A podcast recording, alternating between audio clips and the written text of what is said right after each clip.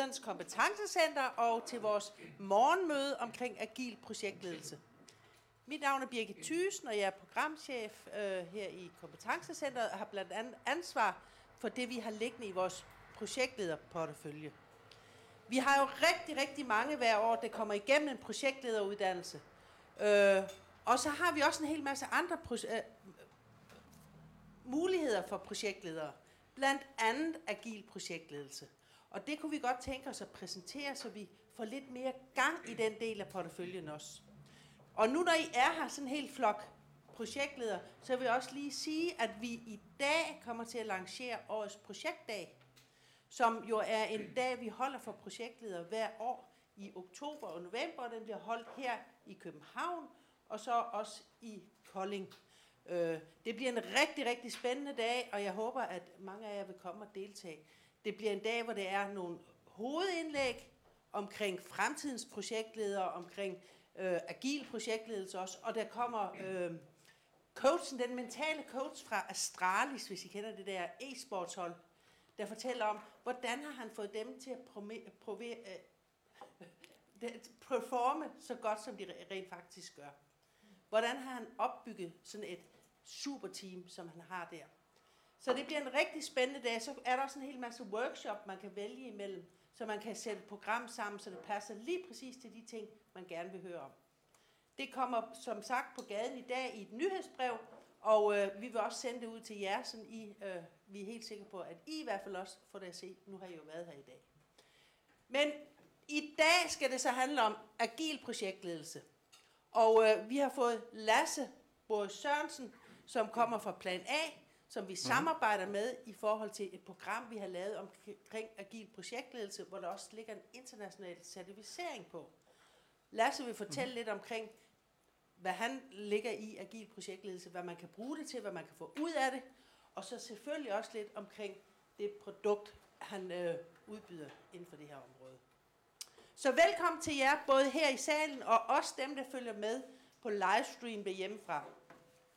Det er sådan, at hvis I derhjemme sidder og får lyst til at stille spørgsmål, så har vi en med her, som øh, styrer vores chat. Ole, han vil øh, sige jeres spørgsmål højt, så I stiller bare alle de spørgsmål, I vil på chatten, så skal Ole nok sørge for, at de bliver bragt i spil her i salen.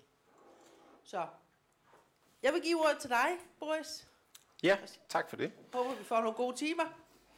Eller i hvert fald halvanden. Så øh, ja, det gør jeg bestemt også. Jeg kunne godt tænke mig at vide en lille smule om jer, fordi lige om lidt så kommer jeg til at præsentere mig selv. Og øh, det har jeg brugt det slide her til.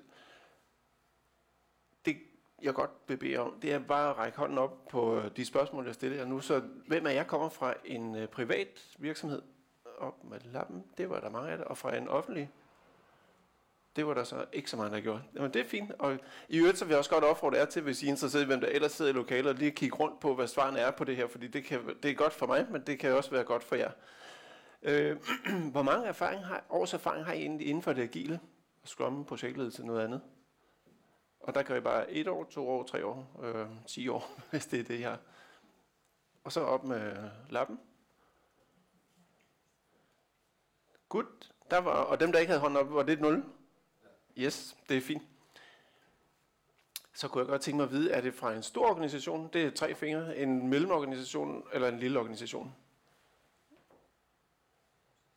Og så helt op, og så lad lige hånden blive op, sådan så folk kan nå at se det. Øh, ja, det er primært store organisationer, det er fint.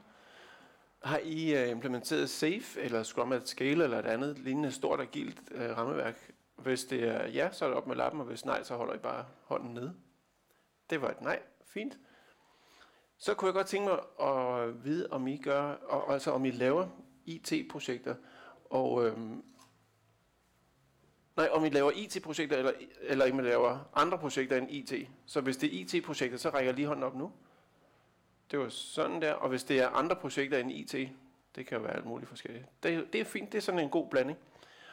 så kunne jeg tænke mig at vide, projektstørrelser. Nu kommer I fra mange af fra store virksomheder, det vil sige, at I har både små virksomheder, øh, små projekter, mellem og store projekter.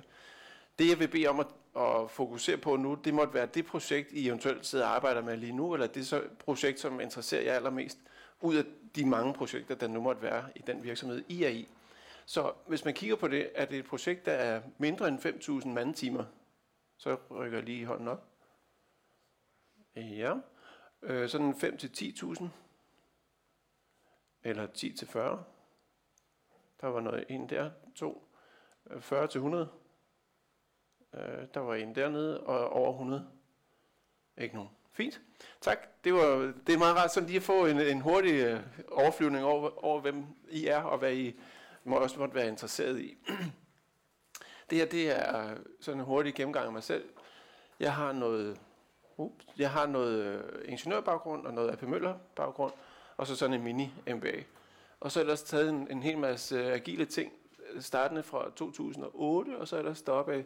Og det gør også, at øh, i og med, at jeg har taget så mange certificeringer, inden for DSM, som så i 2017 skiftede navn til Agile Business Consortium, øh, gør, at jeg nu, ligesom øh, du fortalte før, har mulighed for at, at øh, certificere folk selv. Og der er faktisk her i bygningen, har jeg fået certificeret en små 300, nej, lige godt 300 mennesker er det nu.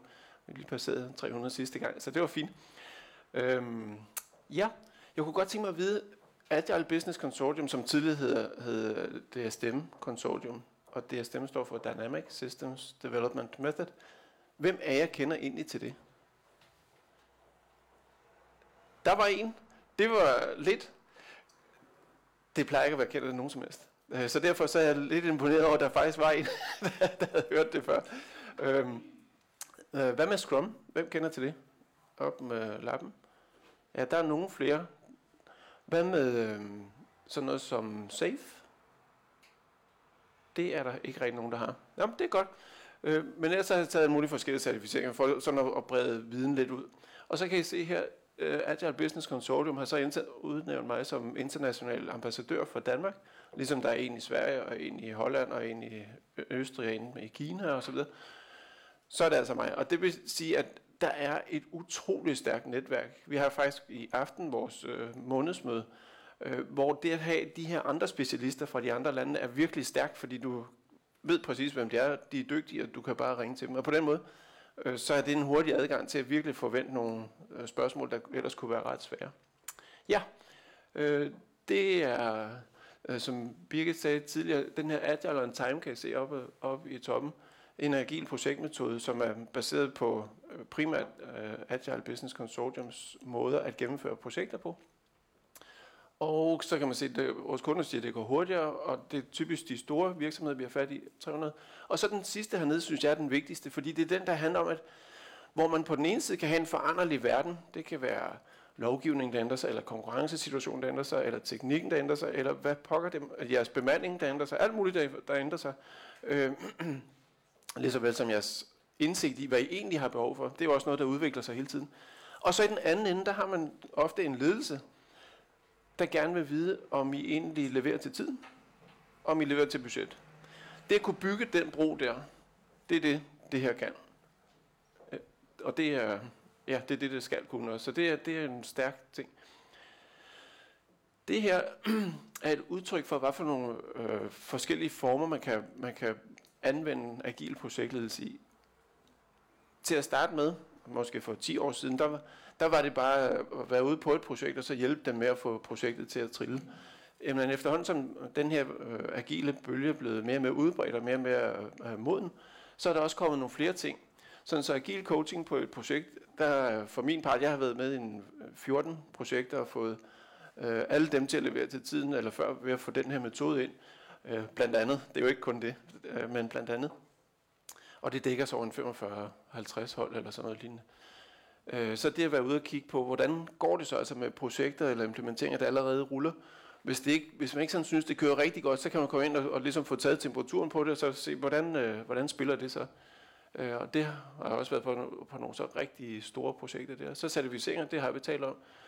Øh, der er nogle forskellige kurser, men train the trainer, det kunne godt være, at de tænker, det kunne være fint at få sådan et, et virkelig løft, sådan så det ikke bare er teori, men også, øh, men også en, en, en fingrene i dejen i jeres egen kontekst. Så det at, at blive løftet der, det er bestemt også en mulighed. Så endelig den sidste op. Hvem af jer har en StageGate-model i jeres virksomhed, som I kører projekter efter? Det tror jeg simpelthen ikke er rigtigt. Hvad så som en fasemodel eller en projektmodel? Der var en. Nu har jeg set uh, deltagerlisten, og jeg tror altså, der er flere af jer, der har det. Nå, men i hvert fald sådan en projektmodel, det er noget, hvor man laver noget i starten, noget andet i midten og noget tredje i slutningen. Og øhm, det gør man ofte ved et vandfaldstilgang, sådan så man på den måde øh, kører et vandfaldsprojekt igennem de faser her. Og jeg har egentlig igennem lang tid set øh, vandfald og en fasemodel eller en projektmodel som det samme, men det er faktisk forkert.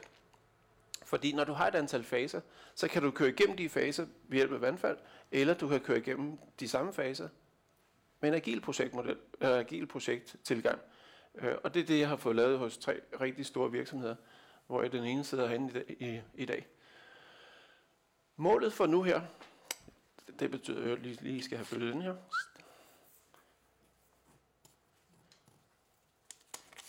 Sådan. Målet her, det er at øh, hjælpe virksomheder til at, at vælge det relevante agile rammeværk. Og hvorfor dog sætte et mål op omkring det? Jo, det handler om, at det at få implementeret en agil tilgang, eller en projekttilgang, eller en porteføljetilgang, eller SAFE, eller noget andet, det er dyrt. Det er virkelig dyrt. Det koster rigtig mange penge at få det implementeret. Og derfor er det vigtigt, at kunderne har overblik over, hvad det egentlig er, der passer til hvad. Lidt ligesom en tømmer jo har en hammer til nogle ting, og en tommestok til nogle andre ting, så har man også forskellige agile rammeværk til forskellige ting, og det er det, som jeg meget gerne vil give jer et, et overblik over om et øjeblik. Den anden del, det er det at, at, at skabe noget inspiration til jer, til at bringe hjem i jeres egne projekter, for at I på den måde kan få øh, sat fingeren ind, hvor det måske gør lidt ondt. Ja, men det er målet for i dag.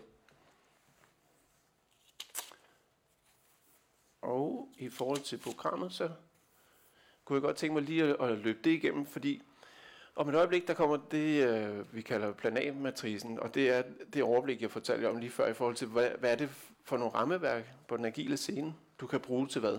Det er den ene. Øh, og det næste, det er sådan omkring agil projektledelse. Nogle karakteristika ved det. Øh, hvordan man kan gå ind og forberede sig, når man nu skal gennemføre et agilt projekt, til at, øh, at få gjort det succesfuldt. Og så er der endelig nogle centrale elementer, øh, sådan noget som en projekttrekant for eksempel, øh, og der er en, en række andre elementer, vi lige kommer ind og berører. Og der er jo en, der er en lang, lang række, og i og med, at vi har halvanden time her, så bliver det ikke dem alle sammen, men nogle af dem kommer vi ind på her. så er der i den her øh, fasemodel, den skal jeg nok vise jer om et øjeblik, det kommer vi nemlig til øh, i løbet af, af de her. Øh, men den ene fase hedder Foundations, man kan også kalde det specifikationsfasen. Øh, den er ret central i forhold til, hvordan man gennemfører agile projekter, og til det samme byggefasen, øh, som øh, i Scrum-sammenhæng, der vil man kalde det for sprints, og i den her sammenhæng, der vil man kalde det for iterationer, men i den fase, hvor man bygger løsningen, hvad er det så, man gør der? Og så er der endelig et spørgsmål til sidst, men jeg vil virkelig opfordre jer til, skyd løs, så snart der er et spørgsmål, der melder sig på banen, så øh, råb op, sådan, så vi kan få noget, noget dialog, fordi jeg har selvfølgelig noget viden, jeg gerne vil, vil bringe ombord hos jer alle sammen. Men det har I også, og derfor så er det at få meldt ind, ja, vi har prøvet det her, det virkede rigtig godt, eller vi har prøvet det her, det fungerede overhovedet ikke. Det vil være sådan noget, som, som i stedet for, at der kun er de ting, jeg lægger på bordet, øh, som I kan trække med, så kan I alle sammen smække noget på bordet, så bliver bunken endnu større, så kan vi trække mere med hjem hver især. Så derfor, og det gælder også jer, der er ude bag skærmene. I må meget gerne øh, bidrage med de erfaringer, I har. Det var programmet.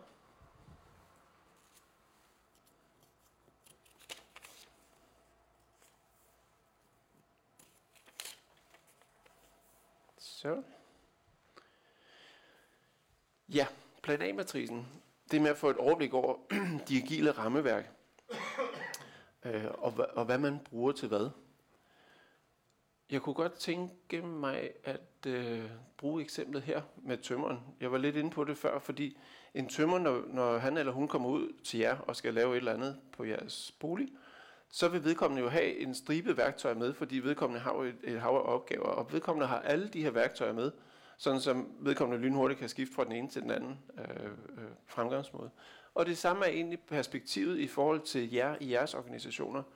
Når I skal til at vælge et agilt rammeværk, øh, og jeg skal nok komme ind på nogle eksempler på, hvad det kunne være, men så er det bare vigtigt, at I kigger på jer selv først, jeres egen organisationsbehov, og så vælger rammeværkene ud for det. Det, der bare er erfaringen, synes jeg, det er, at man øh, har for lille overblik over, hvad der egentlig findes af agile rammeværk. Og det betyder, at mange vælger agile rammeværk efter, hvad de kender til. Og hvad kender du til? Ja, det kender du. Du kender til dem, der har nogle, dem, der er dygtige til marketing, og kan få skubbet kendskabet øh, ud og op. Dem, det er typisk dem, der er, er blevet valgt af virksomhederne rundt omkring. Men der findes nogle andre nogen, som måske er endnu bedre til nogle situationer, og så vil det være dem, man kender, der skal bruges i andre situationer. Men det er det, der er perspektivet. Nemlig, at I selv kan kigge på jeres egen organisation og finde ud af, hvad er det, vi har brug for, frem for at blive måske for påvirket af en eller anden sælger, der kommer ind og gerne vil øh, generere noget omsætning. Ja. Det andet perspektiv, det er noget omkring sameksistens. Fordi forestil dig nu, at tømmeren kommer kun med en hammer. Så vil det være begrænset, hvor meget den tømmer kan udrette hos jer. Øh, og det er det samme her, at i og med, at der nu er øh, er organisationerne her i lokalet, der er temmelig store, så har I ikke kun ét behov, er jeg meget sikker på. Og derfor det at, at have forskellige værktøjer, ligesom tømmeren har, der sammen eksisterer. Det kan man nemlig sagtens. Det er et andet perspektiv, der er rigtig vigtigt. Godt. Hvis vi lige prøver at kigge på produkter og projekter ud fra en risikovinkel. Jamen hvis du har et produkt, du gerne vil sælge, det kunne være Berlingske Tidene, der gerne vil sælge nogle aviser. Jamen, hvad er så, øh, hvad er så risikoen? Jamen, det er, at produktet ikke sælger. Fordi hvis det ikke sælger, jamen, så er du out of business i løbet af et øjeblik. Hvorimod, hvis det er projekter, du har med at gøre, så er risikoen egentlig noget andet, fordi det kan være, at du løber over på tid eller på, på, på omkostninger. Det kan være, at den løsning, der kommer ud af det til sidst, egentlig ikke rigtig var det, man havde brug for. Og så den sidste, det handler om, at øh, det var faktisk de rigtige elementer, der kom ud, men kvaliteten var bare dårlig. Så derfor så kommer løsningen ikke til at fungere i virkeligheden. Så det vil sige, at risikoprofilerne er forskellige i forhold til, om man har med den ene eller med den anden øh, sfære at gøre her. Hvis vi kigger på organisering, så, og, og du fokuserer først om på produkter, øh, har I hørt det her udtryk med en, med en product backlog? En product backlog er der noget, der nikker. Det er jo sådan en, en liste, hvor man har det vigtigste, vi skal lave, næst vigtigste, vi skal lave, og tredje, fjerde, femte, sjette, syvende vigtigste, vi skal lave. Og så er der en streg et eller andet sted. Og det der under stregen, det er noget, man godt kunne tænke sig, men som ikke lige er i skåb til at blive lavet, sådan lige nu. Øh, så det vigtigste, det er det, der står over stregen i den prioriterede rækkefølge. Det vil være en backlog. Så en opgørelse over, hvad er det, vi gerne vil, vil lave og frembringe. Nå, men der får man øh, organiseret folk rundt om sådan en, en, øh, en backlog. Øh, og det vil sige, at at man kunne have en gruppe mennesker her, der har den her liste, de kører efter. Så opgaverne, de flyder ud fra organisationen ind på den her liste, og så er det så den her liste, øh, den gruppe mennesker arbejder på uge efter uge, måned efter måned. Kan I se det? Så det er den ene måde at gøre det på. Øh, og det vil sige, så snart der er et eller andet, man kan levere ud til, til brugerne, så gør man det. Så det er en måde at arbejde på. I projekterne, der er, den, der er det øh, ofte en anden tilgang, man har, fordi der vil det være en kontrakt mellem to parter, eller en aftale mellem to parter, hvor man skal levere det, som er beskrevet i kontrakten. Og der vil jeg også godt lige sætte et, et fodnote ind her, fordi i nogle gange, der vil I se beskrivelser, kravspecifikationer, som er virkelig store og meget, meget omfattende. Øhm, hvis man nu kigger ud i jeres øh, sådan pænt store projekter, hvor mange krav er der så? Bare bare skyd nogle tal.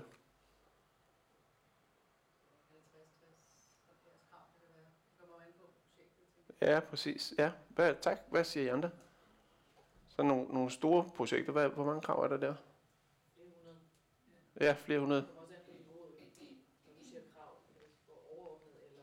I høj grad. Ja, og det er lige præcis det, øh, jeg er efter her faktisk, fordi hvis man kigger ind i, øh, i teoribogen på de agile projekter, som vi har med at gøre her, så er tallet i teoribogen 10 så man sige, 10 krav. Okay, fordi i nogle sammenhæng, der er det måske 900 krav, der, der bliver givet. Men det er noget med at, at, at få, øh, som en sagde på et tidspunkt, angivet, hvis I nu forestiller sådan et puslespil, der kan, der kan der være nogle puslespilsbrikker. Ikke? Hver puslespilsbrik fortæller noget om, hvad er det for noget, vi gerne vil have ud af det her. Og hvis der kun er 10, så er det måske i virkeligheden sådan en, kan man kalde det en mini-vision øh, for, for produktet. Eller i hvert fald et meget, meget overordnet behov, der er øh, på det område her. Hvorimod hvis man har øh, 900 krav for eksempel, jamen så er det ikke kun puslespilsbrikkerne, så har du også været inde i hver enkelt puslespilsbrikke og fortælle præcis, hvad er det så, du gerne vil have med den forhåndværende viden. Og det er jo lidt farligt, fordi det er et tidspunkt, hvor du ved mindst i forhold til senere i projektet. Ikke? Og det er derfor, man, vil jeg gerne understrege allerede her, bruger øh, forholdsvis få krav. Og nu siger teoribogen 10, det kan være det 12, det kan være det 15 eller 20, men det er ikke 900 i hvert fald.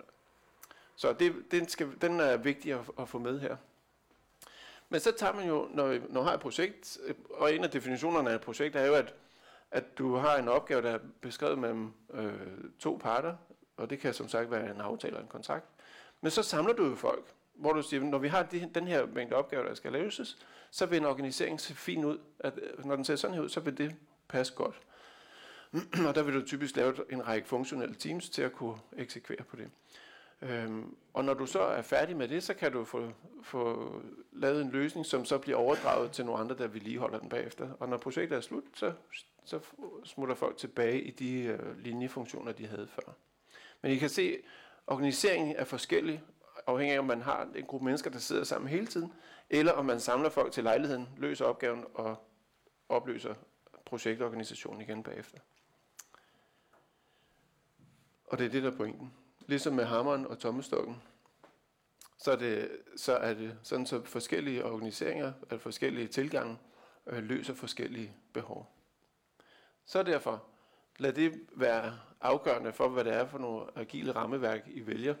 Og øh, den her snedige model, I kommer til at se nu, den er ikke helt færdig at udbygge, som I ser der.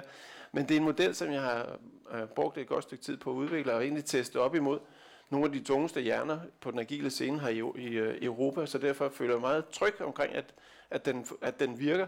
Og jeg vil virkelig øh, håbe, at I får glæde af den, øh, og, og jeg vil gerne bede om at kommentere på den undervejs, som vi bygger den op, for at I, øh, at I kan bruge den, når I kommer hjem. Fordi det, den er virkelig enkel, og det er nok en af grundene til, at det tog lang tid at få, at få den lavet.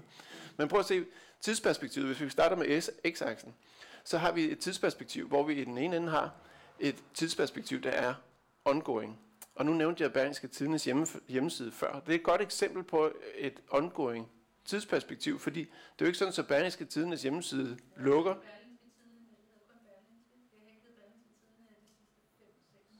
Er det rigtigt? Det er ligesom Hof. Ved I, hvor længe, ved hvor længe siden det er, det stoppede med at hedde Hof? Det var i 70'erne, tror jeg nok. der var en, tak skal du have. Men det, det er jo nu... Ja, men, tak skal du have. Men, men det er jo... Øh, men der er i hvert fald, de har været gode til at få navnet slået fast i hvert fald. Det må man sige. der kan du se. det er jo et, et kort stykke tid i den sammenhæng. Nå, men Berlingske, øh, der er jo ingen grund til, at de lukker den 4. august eller et eller andet. Det, det kører jo derudaf, fordi de skal blive ved med at sælge deres aviser og nyheder og hvad man ellers sælger på den platform. Og hvad er det så, de skal matche? Jamen, de skal matche markedet og selvfølgelig også øh, forretningsbehov, ikke? men det er markedet, der især er, er driveren der. Hvis vi kigger den anden side, så kan du have et, et tidsperspektiv, der hedder deadline. Der er en deadline for et eller andet. Det kunne være GDPR for eksempel. Der var jo en deadline, hvor man sagde, at per den her dato, der skal de her ting være opfyldt. Øh, og hvis, hvis det ikke er tilfældet, så løber en risiko for, at der kommer nogle mennesker og kigger på, hvordan I, skruet, hvordan I har skruet jeres øh, persondata osv. sammen. Og hvis det ikke øh, opfylder de krav, der er der, så er der en konsekvens for det. Ligesom i alle mulige andre sammenhæng, hvor der er en, en øh, kontrakt.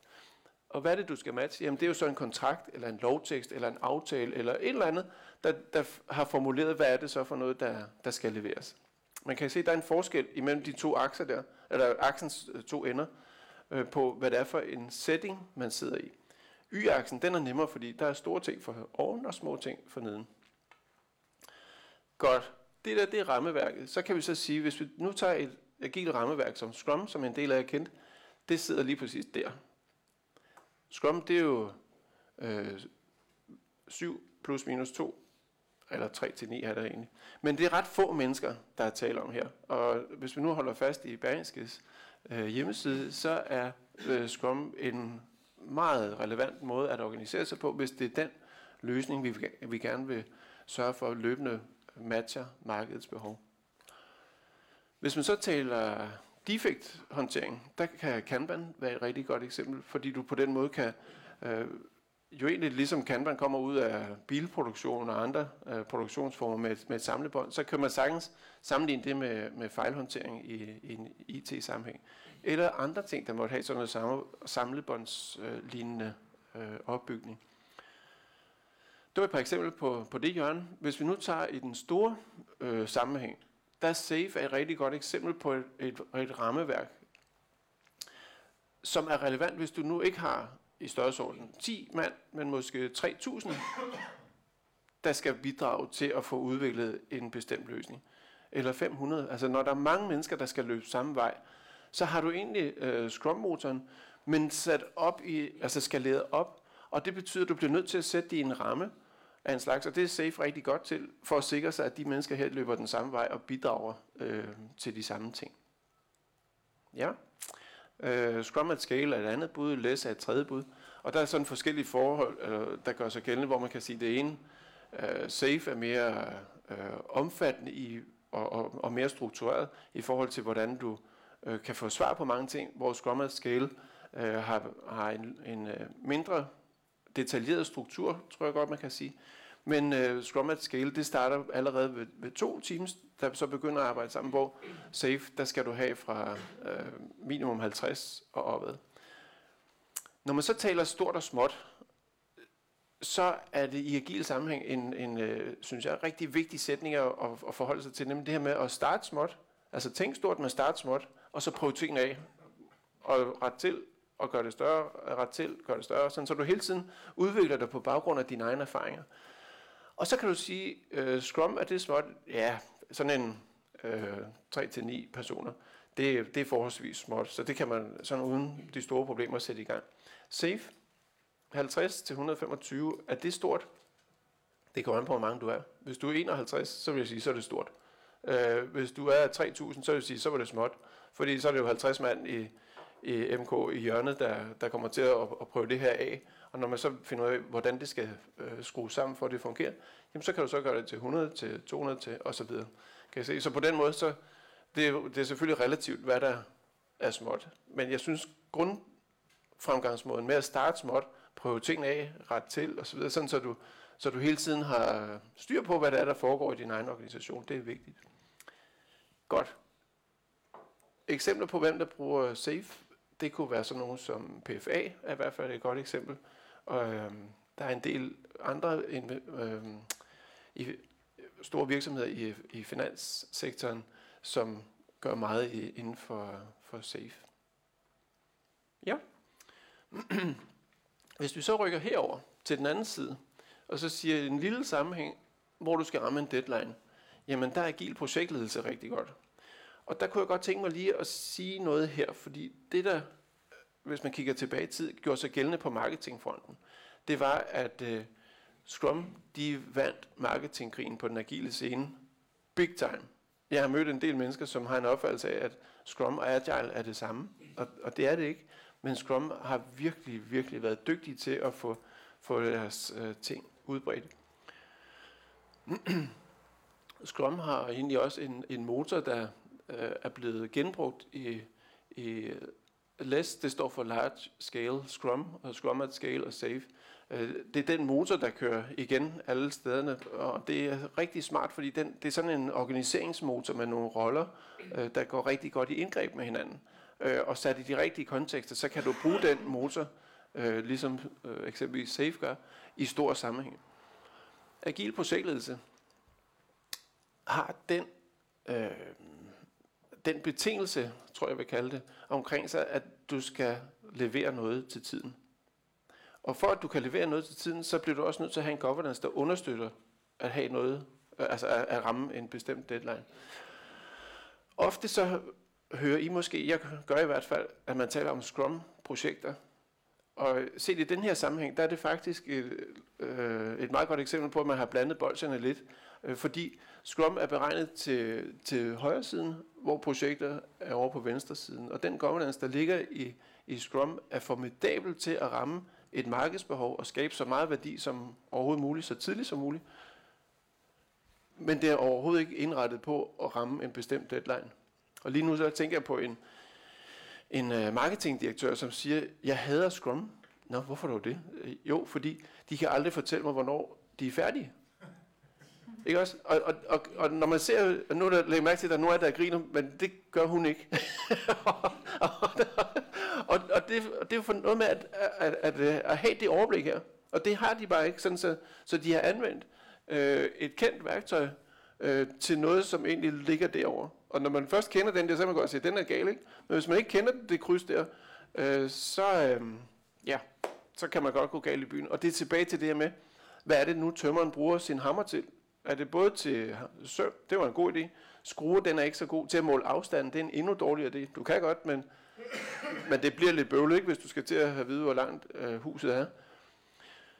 Så derfor, agil projektledelse, det er et andet rammeværk. Og jeg kunne egentlig fristes til lige at tage den her bog op, fordi det er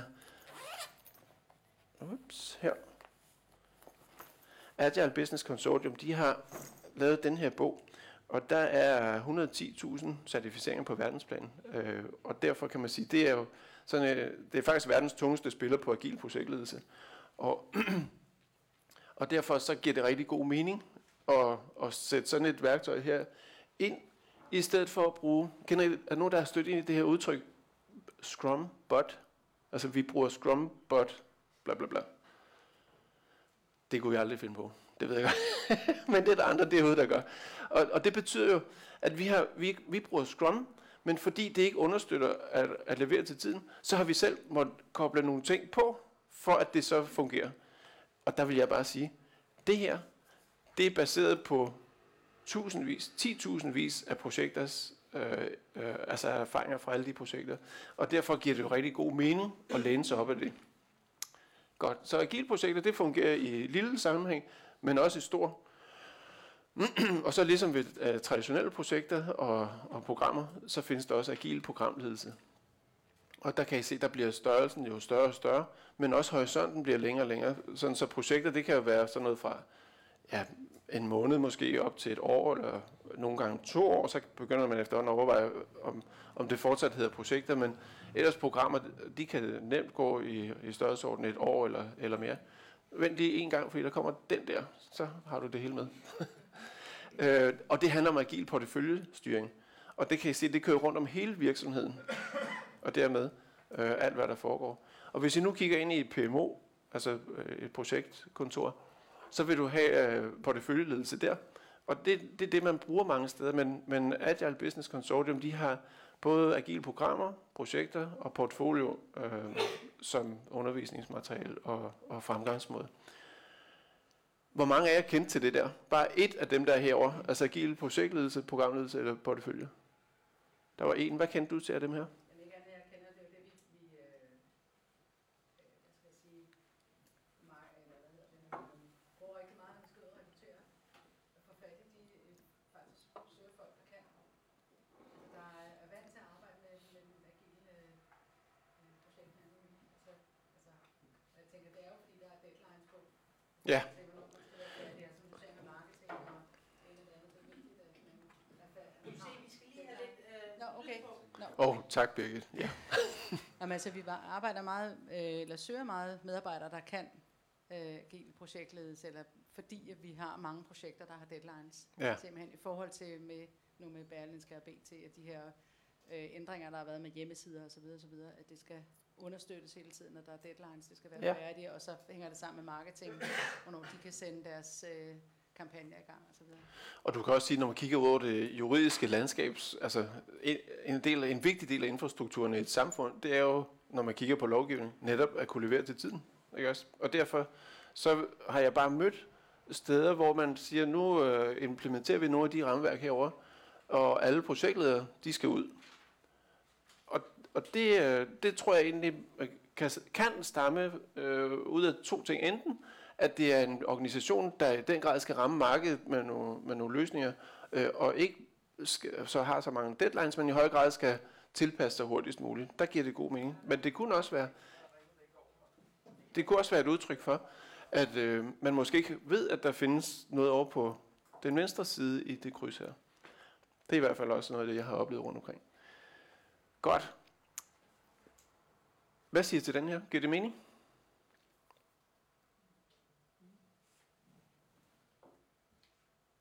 Vil du sige et eller andet, Dorte? Sige, altså, Åh, oh, ja, Birgit kommer der. det er jo, det er jo lidt, for der kan være begge dele i en virksomhed. Altså, der kan jo være, vi jo også til nogen, øh, der har erfaring med Scrum, for eksempel. Ja. Det er jo så, fordi man har nogle, med noget længere deadline, hvor man ikke har, eller ikke har en hård deadline, som man har øh, på de andre områder. ikke? Så der er også øh, folk, der arbejder med Scrum.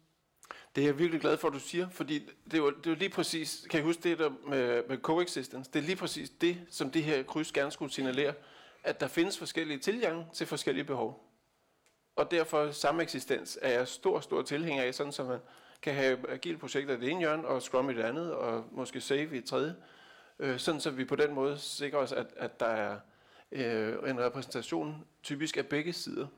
Og nu nævnte jeg både Scrum og Save i det samme. Det er måske ikke så sandsynligt, men i hvert fald, at, at de to sider her er, er begge to repræsenteret i, i virksomheden. Det, giver, det plejer at give værdi. Ja. Således opmuntret, så tror jeg, at vi vil smutte videre. Men det var egentlig den her øh, matrice. Jeg skulle måske lige knytte en sidste kommentar på det her. Og det handler noget omkring implementeringsvej. Lad os nu sige, at I har en organisation, der gerne vil, vil blive mere agile. Øh, og lad os bare antage, at I har ikke implementeret så, implementeret så meget som en eneste ting endnu. Hvad vil I så øh, foreslå jeres ledelse, at I skulle implementere først, og i midten og i slutningen? Og I kommer til at snakke om det her to og to lige et par minutter. Så mit spørgsmål går på, hvis vi nu antager, at I er en virksomhed, en stor en, I har ikke implementeret så meget som et eneste agilt øh, rammeværk, så I har intet agilt lige nu, men I vil gerne være mere agile. Så hvad vil være implementeringsrækkefølgen? Hvad vil I starte med? Hvad vil I have på lidt længere sigt, og hvad vil I have til sidst? Prøv lige at tage to minutter på den. Med, med jeres sidemand, MK.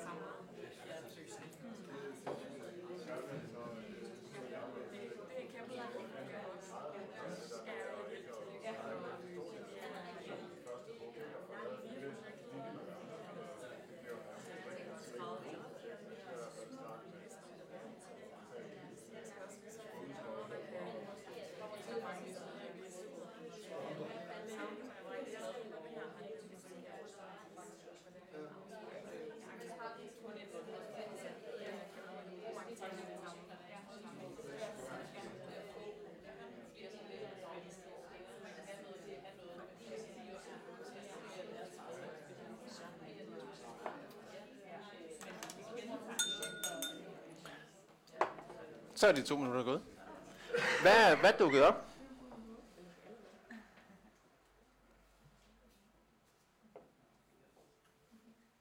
Ja. Jamen altså, vi, vi var sådan lidt i tvivl faktisk, men vi blev enige om at starte med, med uh, Agile Project Management, for ligesom at starte lidt blødt, også hvis organisationen er helt grøn Mhm. mm-hmm. i det. øh, for at have noget, der er, i hvert fald har en deadline. Det, apropos det, du sagde med den leder, der ikke vidste, at man var uden deadlines. Mm-hmm. Så man ligesom vender folk til at, at være lidt agile, og så gå langsomt over mod øh, nogle af de andre tre øh, metoder. Men øh, vi er ikke sådan helt overbevist. Nej. I er også lige startet, så det er fint. Ja. Tak skal du have. Andre kommentarer? Ja. Vi er sådan set enige. Vi valgte også at, øh, at starte med Agile Project Management, fordi øh, hvis, du har nogle, hvis du har nogle mål, og du, øh, så kan du se, at du skaber resultater, så det skal være brudt ned i så mange delmål som muligt, så du kan mm-hmm. se, at du skaber de der succes på, på kort tid også, og så Ja. ved du, du, du øh, skaber fremdrift. Det, jeg kunne godt tænke mig lige at at holde fast i det, du siger der, fordi det at sørge for, at folk har mundvinen det rigtige sted, er super vigtigt. Og så kan man sige, hvis du nu arbejder i et projekt, der varer 14 dage, der er jeg lidt ligeglad med, hvordan I arbejder, fordi det, det kommer ikke til at påvirke jeres liv alligevel. Men hvis I arbejder på et projekt i, lad os bare sige et halvt år, eller et år, eller, eller I ved, det er lange stræk, det er det, der tæller. Og, og I vil se lidt senere, da den her metode, Agile on Time, som Birgit nævnte i starten, den er baseret på, på Agile Business Consortiums måde at lave projekter på, plus noget Prins 2 og plus positiv psykologi. Fordi det er masseret ind i alle mulige steder, sådan så vi sikrer os, at mundvinet sidder det rigtige sted på folk, sådan så, så de ikke brænder ud og, og energimæssigt går sådan her, men tværtimod går sådan her øh, hen, i- hen igennem. Så det er en virkelig vigtig pointe, du har fat i, synes jeg. Tak. Ja, andre kommentarer ud af jeres øh, lille snak her?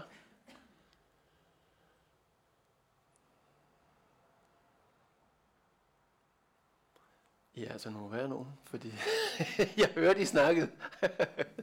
er der nogen, der har, der er en pointe, I godt lige vil øh, bringe op? Er der nogen, der gerne vil starte med øh, agil portefølje, eller program, eller safe?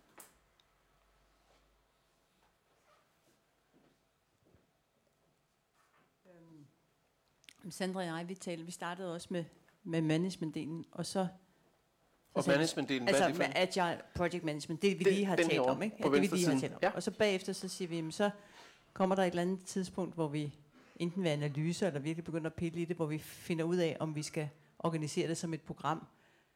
Og siger, hvad så med SAFE? Går man ind helt fra starten og siger, det er kæmpestort, og vi, vi sad og snakkede lidt om, ah, men, men det gør man måske, og så hyrer en masse konsulenter ind og laver det safe fra starten. Det kan også være, at man begynder at, at pille lidt i højre side, og så siger, nu er tiden til at lave et program. Og så bruger den. Jeg ved ikke, hvor tydeligt det var, men altså, øh, øh, det er jo, når, når tingene bliver større, og man har fået installeret den her chip omkring øh, det agile, den agile ledelse, så kan man begynde at samle det i programmet. Ja, det er nogle gode pointer, du har, synes jeg. Og- noget af det, som er rigtig vigtigt, det er, det er at, at få stukket termometer i organisationen og finde ud af, det agile, øh, passer det overhovedet til os? Det kan godt være, at der er sådan gået lidt mod i det, og alle folk skal have det, men der er ingen, der siger, at det passer lige til jer.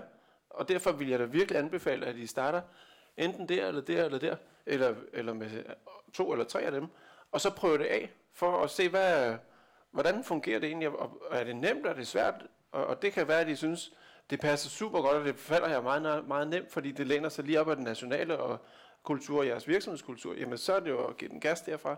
Men hvis det nu kan stride i en helt anden retning, så, øhm, så skal man i hvert fald tage det i betragtning, inden man begynder at investere rigtig mange penge i det. Ikke? Tak. Men vil du også gøre det, hvis det var små, små eller store initiativer, for det var det, vi lige snakkede om, ikke? Om jeg vil gøre hvad Hvis for det noget? var store initiativer, vil du så også starte dernede? Altså set ud fra et organisatorisk perspektiv, så vil jeg starte med noget mindre. Ikke også? Øh, men, men det er ikke nødvendigvis sådan. Lige om lidt, så skal jeg vise jer et eksempel fra en stor virksomhed, som startede med et meget, meget vitalt og, og stort og komplekst projekt, som bare, de var bare presset der, så blev de nødt til at køre agilt. Og det viser sig så, at det fungerede enormt godt for dem. Det er en meget stor virksomhed i fødevaresektoren, og, og, og i løbet af nogle år, så havde vi så kørt en syv projekter hos dem, og, og nu kører de alt deres udvikling agil. Så der, der er en snibbold, vi fik startet der. Men det var ligesom du siger, det var en ordentlig stor en, hvor vi bare siger, nu starter vi på det. Og det er jo sådan lidt imod øh, de principper, jeg lige fortalte om før. Ikke? Men hvis man nu har frit valg, så er det jo, altså det er jo en stor risiko, de løber også. Ikke? Det kunne jo have, have, have endt med et stort brag. Det gjorde det ikke. Det var mundvin op, altså. så altså, det var godt. Ja, andre betragtninger, vi lige skal have med? Det ser ikke sådan ud. Godt. Jamen, øh, så tænker jeg, at vi lige kan hoppe over til agil projektledelse. Og det passer jo meget godt, når vi sådan skal vurdere lidt ud fra, hvad det er, I fortalte lige før, at I gerne vil starte med agil projektledelse, og det passer jo fint ind i programmet, fordi så kan vi fortsætte ned ad den sti. Godt, agil projektledelse, det er jo så de to der, småt og stort. Og så vil jeg også lige sige, at i forhold til øh, sammenligningen mellem traditionelle vandfaldsprojekter og så agile projekter, der øh, den, der hedder The Standish Group, det er en øh, organisation i USA, der analyserer øh, projekter på tværs af brancher, på tværs af kloder, på, på ja, kloder, kloden dog. Øh, men virkelig et bredt udsyn har de. Og de laver sådan en rapport en gang om året. Og her der har de så sat fokus på projekter, der går galt. Der kan I se, der er to, ten, to tendenser i det her. Den grønne, det er vandfald, og den her orange, det er agil. Og der kan man se, at de, de agile, der er færre af dem, der kører i hegnet, end, end vandfald. Det er den ene konklusion. Og den anden konklusion, det er, at, at små projekter, at, øh, der er færre af dem, der kører i hegnet, end af de store. Altså, i, øh, øh, hvad hedder det? Andelen af dem er mindre, ikke?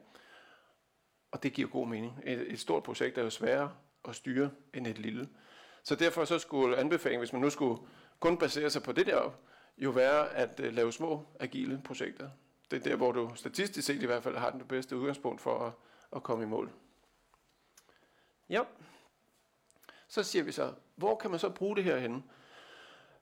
Det agile, det kommer jo ud af IT, men jeg har taget det her slide med for at illustrere, at det kan altså bruges til alt muligt forskelligt. Øh, så det er ikke kun begrænset til IT. Det er meget, meget vigtigt at slå fast, ligesom øh, traditionel projektledelse jo også bliver brugt til alverdens ting. Øh, der er nogen, der har, øh, de har lavet sådan noget øh, filterproduktion, og der skulle de så lave et modulariseringsprojekt. Der var nogle andre, nogle, de skulle have sådan et, øh, det var et kulkraftværk, hvor kulbrænderen skulle skiftes ud med en gasbrænder. Der brugte de sådan en agil tilgang. Øh, det var en festival. Det at lave sådan en foranalyse-rapport, var der nogen, der brugte den agile tilgang til. Et stort antal SAP-projekter, det var dem, jeg nævnte før, det er 14 stykker, øh, i forskellige sektorer, men komplekse alle sammen. TIA, det er, hvad der svarer til SAP, bare inden for forsikring, også noget stort og komplekst noget. Og så har vi øh, en vaskemaskine på, i produktionsskole. Det var til noget Lego, noget, hvor nogle Lego-klodser skulle flyttes rundt i produktionshallen i sådan nogle øh, kasser og de kasser skulle vaskes en gang imellem. Det var så at lave maskinen, vaskemaskinen til de kasser der. Så det kan I se, det er ret forskelligt. Nå ja, så var der et distributionscenter, der skulle flyttes også. Det var der også nogen, der lavede. Øhm. Og så vil jeg også gerne sige, at, at det at lave projekter, som går på tværs, af, altså som både rummer agile, en agil fremgangsmåde og en vandfaldstilgang, det kan man også godt. Øh, så man skal ikke bare låse sig fast og sige, at vi bruger kun én ting, fordi ligesom med tømmeren, forskellige værktøjer er gode til forskellige ting. Og nu tænker jeg på øh, en, jeg underviste engang. Hun laver moler, altså havnemoler. Og der sagde hun, den, jeg kan så ikke huske, om det var første en tredjedel eller første to tredjedel, men den kørte de altid efter vandfald. Og så den sidste tredjedel af projektet, det kørte de så agilt. Øh, fordi det var så der, du kunne vælge noget selv som kunde med de måler der, om det har været farven, eller højden, eller formen, eller det, det har jeg ingen anelse om, men, men i hvert fald så er det interessant, at at du behøver ikke at, at holde dig til kun vandfald eller kun agil øh, i det samme projekt. Du har godt mixe dem. Ligeså vel som det her, det var, det var i stedet for det at flytte distributionscenter, det viser, at det, det rummede egentlig fire projekter i halen af hinanden. Og så kører vi først det ene projekt, det næste projekt, og det tredje og det fjerde projekt. Fordi det var noget med at analysere udbuddet i den ene ende, og så gøre tingene fysisk klar til at så rykke ind i den anden ende.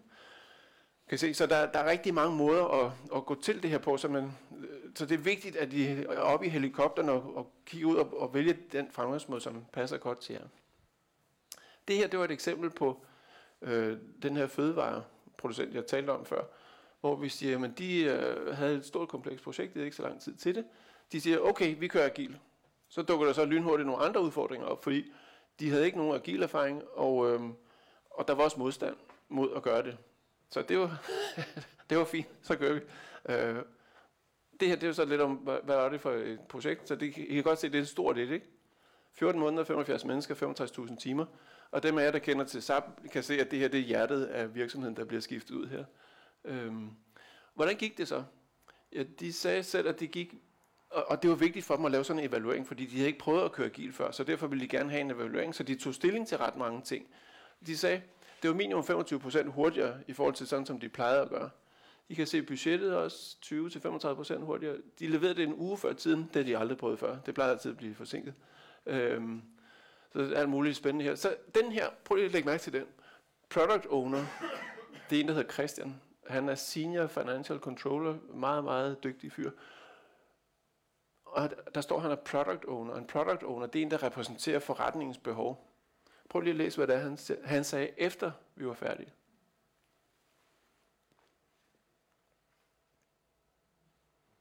Hvad siger det?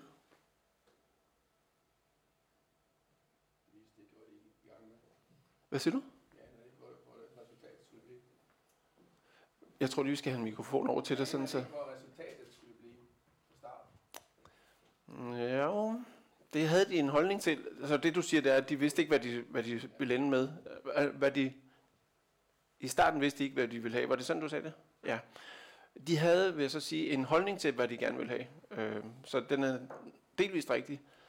Så er der en kommentar derovre. Det jeg får ud af sætningen er, at øh, her var vi rigtig dygtige til at lære undervejs. Og Yes. finde ud af, hvad, hvad har vi egentlig brug for. Ja, lige præcis. Fordi ham Christian der, han, blev, han havde et behov, fortalte han til øh, konsulenterne, øh, og han snakkede sammen med, sammen med en, der hedder Svend. Og Svend, en meget, meget dygtig fyr, der havde lavet alt muligt i alle mulige andre øh, virksomheder, han sagde, vi kan altså gøre det her smartere. Og, og, og der skete lige præcis det, du siger, at de øh, fik talt så meget sammen, sådan, så de lærte undervejs og benyttede sig af det. Og de endte med en løsning, som kun, jeg tror det var cirka 30% mere, men krævede kun 50% indsats af, af det, de gerne ville have haft i starten. Kan I se det? Så de fik mindre, øh, de fik mere, men det kostede mindre. Det er jo genialt. Det kan vi godt lide. Øhm, og det er derfor, at den her den er super vigtig, fordi det signalerer nemlig det her med, benyt jer af at blive klogere undervejs. Det er smitter af på, hvordan man organiserer sig, på hvordan man arbejder sammen, på en masse ting. Men det der, det er virkelig centralt. Og det at være åben over for det. Fordi hvis man, nu taler vi om, hvor mange krav man har. Hvis man har 900 krav fra starten, og ikke 10, så er det formentlig, fordi man gerne vil låse tingene fast og være sikker på, at man får lige det her. Men så skal, afskærer du dig også fra det der med at få mere værdi for mindre indsats. Så derfor det, det er en god idé at, at ikke at låse det for hårdt. Nå, testerne de blev sendt på øh, ferie i testperioden, fordi der var ikke rigtig nogen fejl. Og så den vigtigste her, forretningen, de kede sig i løbet af Go live, og det var fordi det hele virkede. Det var, det var, det var forrygende at opleve. Øh, og så står der alle mulige der. Øh, men det, der er vigtigt, det den metode der, øh, nu nævner Birgit også det med, med et kursus, som vi laver her i, i Agil Projektledelse. Den metode her, den er skalerbar og er blevet brugt fra 500 timer til 65.000 timer, og faktisk op, også op til 100.000 timer. Så det er virkelig, der er meget elastik, og en af elastikkerne hedder selvfølgelig, hvor mange teams er det, så du har til at køre ved siden af hinanden. Ja, øh, og hvor længe. Så er der noget... Nej, det er Agil Projektledelse. Ja. Øh, ja, det var den her. Det var så et SAP-projekt, men man kan jo bruge det til alt muligt, som vi så lige før. Øh, der var noget dong, det kan I se på bagefter, men det, det der var vigtigt, det var, at, at de, havde, de havde det godt, altså mundvinene sad det rigtige sted undervejs, øh, og de leverede øh, enten til tiden eller før de projekter, der brugte det der. Ikke? Så det var fint. Og den her, der kommer en hel masse forskellige ting, hvor en eller anden kunde har sagt, det var det, det var rigtig godt ved det, og det kan I, I kan læse dem bagefter, men, men der, der, der er en af dem, jeg godt vil, vil sætte lidt fokus på, det er den øverste deroppe.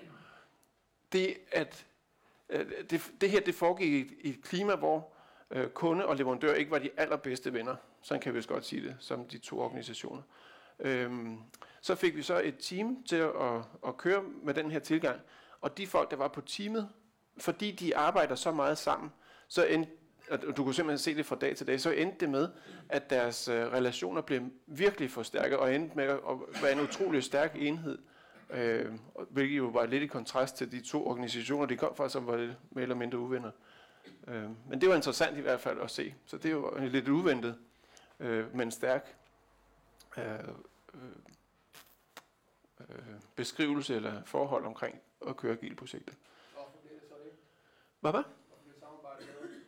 Øh, jeg tror, jeg vil springe over til en af mine venner, som er dyreadfærdsterapeut. Og hun fortæller, at i det øjeblik, at du øh, som, som personer eller som art hjælper hinanden, altså individerne hjælper hinanden, så, øh, øh, så skaber du nogle stærke relationer folkene imellem. Og det er den måde, som det her det er øh, udarbejdet på, eller den måde at, at gennemføre projekter på, som jeg skal vise jer i, øh, i virkeligheden både der og der og der. Der er... Øhm, øh, men men der, der er egentlig mange steder, hvor man hjælper hinanden. Det er det meget korte svar. Og, og, og hvorfor det så er vigtigt, det, der skal man ind og snakke noget dyreadfærdsterapeut-teori, for på den måde at få, få den fulde forklaring med. Men det korte svar er, fordi folk hjælper hinanden på en god og konstruktiv façon. Som det ene element. Og der er jo selvfølgelig også, når I er ude som eksempelvis projektleder, kultur drypper nedad, som en gammel organisationslærer sagde, og hvis du som leder udstråler positiv øh, vibration over for din, over for din medmodpart, jamen så vil det jo også dryppe nedad til de folk, du har under dig. Så det er jo ikke kun det med at hjælpe. Der er mange forhold, der skal spille sammen der. Er agile er det, fordi man deler det op og itererer. Øh, Man er nødt til at iterere, så man itererer, så bliver man nødt til at, at tale mere sammen. Det er det, der sker. Prøv, prøv lige at sige det igen til af hensyn til. Nå, okay. Det, det agile, det betyder, at man itererer i processen. Det er man, rigtigt. bliver- man lærer hen ad vejen og, og, og, og, og stikker vejen ud efter, efterhånden, så man lærer mere. Er det fordi, man taler mere, er mere sammen i, i, i, i del, deler, i stedet for et langt projekt, gør, at man får en større forståelse for hinanden? Jeg vil sige, at det at tale meget sammen, det er en utrolig vigtig del af det. Øh, og der er egentlig to sider af den mønt. Der er en forside af mønten, der hedder, at vi får øh, en meget større fremdrift og nogle stærkere relationer, og den måde også en bedre platform for at udfordre hinanden. Ligesom ham der Christian og Svend fra før, ikke? som jo fik udfordret hinanden en hel masse. Øh, men også en platform, hvor, hvor man er sårbar over for nogle linjeledere, der så skifter folk ud. Så tre mand ud, tre mand ind. Jamen, I har stadigvæk otte på holdet. Ja, den er god, men, men nu, er det, nu er halvdelen skiftet ud. Ikke? Så, men der er mange forhold, men, men øh, vi har været inde på noget af det, og vi kommer i de tre faser, der, eller de tre moduler, kommer vi ind på noget mere. Ja. Ja, eller, tak. Eller en kommentar, hvis vi, hvis vi har tiden til at bare tale lidt mere. Øhm, jeg tænker, når vi arbejder rigtig tæt sammen og laver mange opgaver sammen, så opstår den her tillid. Og, og når man kigger på, hvornår hjælper folk hinanden, det er sådan set ikke dem, der skal give hjælp, der er den begrænsende faktor. Det er ofte det, at det kan være skamfuldt eller en Ja. karrierekiller at, at acceptere hjælpen. Ja. Der er nok, der vil hjælpe, men, men er vi klar til at modtage den? Og når vi bruger rigtig, rigtig meget tid sammen, så kommer den der, nu brugte du selv ordet sårbarhed, men måske en lidt anden sammenhæng. Ikke? Men Mm. sårbarhed er jo det nye sort nu også. At vi siger, det at, at skabe de her tætte bånd, hvor vi viser sårbarhed, så begynder hjælpen at flyde. Og Ja. så går det hurtigt. Og det gør man jo enten ved, at det er en rigtig dygtig projektleder, eller også laver man en speciel indsats lige for det. Ikke? Men- Og det er jo noget med at få skabt noget tillid parterne imellem. Ikke? Og, og en af de hurtigste genveje til at få skabt tillid, det er jo at vise sårbarhed. Øh, fordi, og specielt hvis I er i en position, hvor, det, hvor jeres adfærd drypper ned og påvirker andres adfærd, øh, så, øh, så er det et godt udgangspunkt. Så det at bede om hjælp og, og, og så vise sårbarhed, det tænker jeg, det er måske ikke det, en projektleder skulle gøre allermest. Måske var det noget andet. Og jeg vil sige, nej, der er meget på linje med det, du siger. Så mange tak. Ja. Øhm, så er der lidt i forhold til det med at få forberedt den, øh, den succesfulde projektgennemførelse på den agile scene. Og jeg synes i hvert fald, hvis vi lige kigger på den sætning, der står deroppe, at det er i den grad en tendens, der, der er gældende, at projekterne de bliver øh, flere og flere, men de bliver også mere og mere komplekse. Ikke nødvendigvis større og større, men de bliver mere og mere komplekse. Øh, og derfor bliver du nødt til, hvis du skal lande dem succesfuldt, så bliver du nødt til at have en stribe modgift, hedder det modgifter, øh, mod kompleksiteten. Og her vil jeg prøve at komme med nogle eksempler på, på nogle af dem, som jeg synes er rigtig, rigtig vigtige. Og som man, hvis man ikke griber dem rigtigt an, kan være årsag til, at man kører lige lugt i hegnet. Øhm. Hvis vi nu tager modgifterne her, ikke? Rig kommunikation. Hvad kunne være rig kommunikation? Nå, der var ikke lige noget. Men hvis vi nu taler retorik, der er der jo en lille andel, der handler om, hvad for nogle ord siger du eller skriver. Så er der en, øh, en større del, der har med tonalitet at gøre, og så den største del, det er den del, der har med kropssprog at gøre. Så det vil sige, hvis man nu skifter det skrevne ord, mails, ud med det talte ord, sådan så hvis vi to nu sad lige over for hinanden og, og, og talte sammen om det, øh, vi nu skulle arbejde med, så ville det gå langt, langt hurtigere, end hvis vi kunne sidde og skrive mails til hinanden. Ikke? Og sandsynligheden for, at, at, at øh, jeg vil få de ting til at blive forstået hos dig, som jeg gerne vil have, du forstår, er, er selvfølgelig højere, når vi sidder ved siden af hinanden, fordi jeg kan jo se på dit ansigt, hov, det der, der, der sagde jeg vist noget galt. Øh, og så kan jeg jo spørge, hvad, hvad, hvad, du så lidt mærkelig ud lige der. Hvad, hvad var det, jeg sagde galt? Kan I se det? På, på den måde, så kan vi meget, meget hurtigt få, få rettet kommunikationen ind. Og i komplekse sammenhæng, der er typisk mange mennesker, der skal øh, fungere sammen så, så, så gnidningsfrit som muligt. Så derfor at skifte det talte ord ud med, undskyld, det skrevne ord ud med, med det talte, Øhm, om det er så fordi, man er fysisk sammen, eller det er fordi, der er nogle stærke kommunikationslinjer over elektroniske medier, øhm, det er så en anden sag, men, men det er i hvert fald et vigtigt fokusområde. Struktur er super afgørende i det her, og jeg vil sige, at noget af det, som SAFE og, øh, og, der, og agil projektledelse har til fælles, det er en meget stærk struktur. Fordi når man har med store, komplekse sammenhænge at gøre, så bliver du nødt til at have nogle strukturer, hvor du kan, så du kan se, hvad der er, der strider ud af strukturen, og på den måde, så kan du behandle øh, undtagelserne, i stedet for at skulle fokusere alt for meget på alt det, der følger det, du, altså det mønster, du gerne vil have det til at følge. Giver det mening? Sådan, så, så strukturerne skal være stærke, så er der noget, der stikker ud eller af, så fanger du det lynhurtigt. Et eksempel, det kunne være nonfunktionelle krav. Det er typisk et ret overset område. Men at få non-funktionelle krav struktureret og, og bagt ind i løsningen, det er noget, der kan spare ind for rigtig meget om i genarbejde. Bare som et eksempel. Klare rollefordelinger. Den her Scrum-motor, hvor der er en product owner, der repræsenterer øh, behovet fra forretninger og kan være med til at prioritere, hvad er vigtigst, næstvigtigst, tredjevigtigst.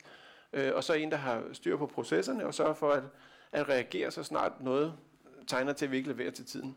Øh, og projektledelse og styregruppe osv. Der er en række roller, som skal spille sammen. Og det kommer vi ind på lige om et øjeblik, hvordan, hvordan øh, konsortiet ser øh, rollefordelingen. Er nu nogen af jer, der har været med på projekter, hvor der er sådan nogle 5 eller 10 procents allokeringer af folk? Det er fint. De skal bare ikke være med på kerneteamet. De kan blive hævet ind en gang imellem, men de skal ikke ind og bruge tid på kerneteamet. Så kan vi trække dem ind som eksperter. Øh, der er nogle øh, forhold der, og jeg plejer at sige cirka 40% er opad fra forretning, og 60% er opad fra, fra øh, leverandør eller fra IT-side. Det plejer at fungere. Så heller nogle korte, tykke projekter, i stedet for nogle lange, tynde projekter. Og grunden til det, det handler egentlig mest af alt om, at tid brugt til at, at skifte fokus bliver meget, meget mindre, når du har korte, tykke projekter. Så det, det er sådan en skjult måde at spare en masse tid på. Ja. Co-location. Sid sammen. Det er ikke alle steder, man kan. Det er slet ikke alle steder, man kan. Men hvis man nu har... Jeg har et eksempel fra en kunde, jeg skal ikke sige, hvem det var, men de havde folk siddende på den, i en bygning på den ene side af parkeringspladsen, og den anden side af parkeringspladsen. Og der sad de så, i stedet for at sætte sig sammen. Sådan så hvis de nu havde været på hver sin side af jordkloden, så kunne jeg bedre forstå, at de ikke satte sig i samme lokale. Men hvis de sidder på hver sin side af parkeringspladsen, eller 200-300 meter op og ned ad vejen, det var så en anden kunde, øh, der har jeg det sådan, flyt jer. Sørg for, at der er et eller andet lokale, og, og så, så vil man sige måske, jamen hos os, der har vi bare ingen lokaler, vi har simpelthen ikke plads til det. Okay, hvad er business casen for, at I leger en lejlighed et eller andet sted i byen? Lad os sige, det lad højt sat 10.000 om måneden.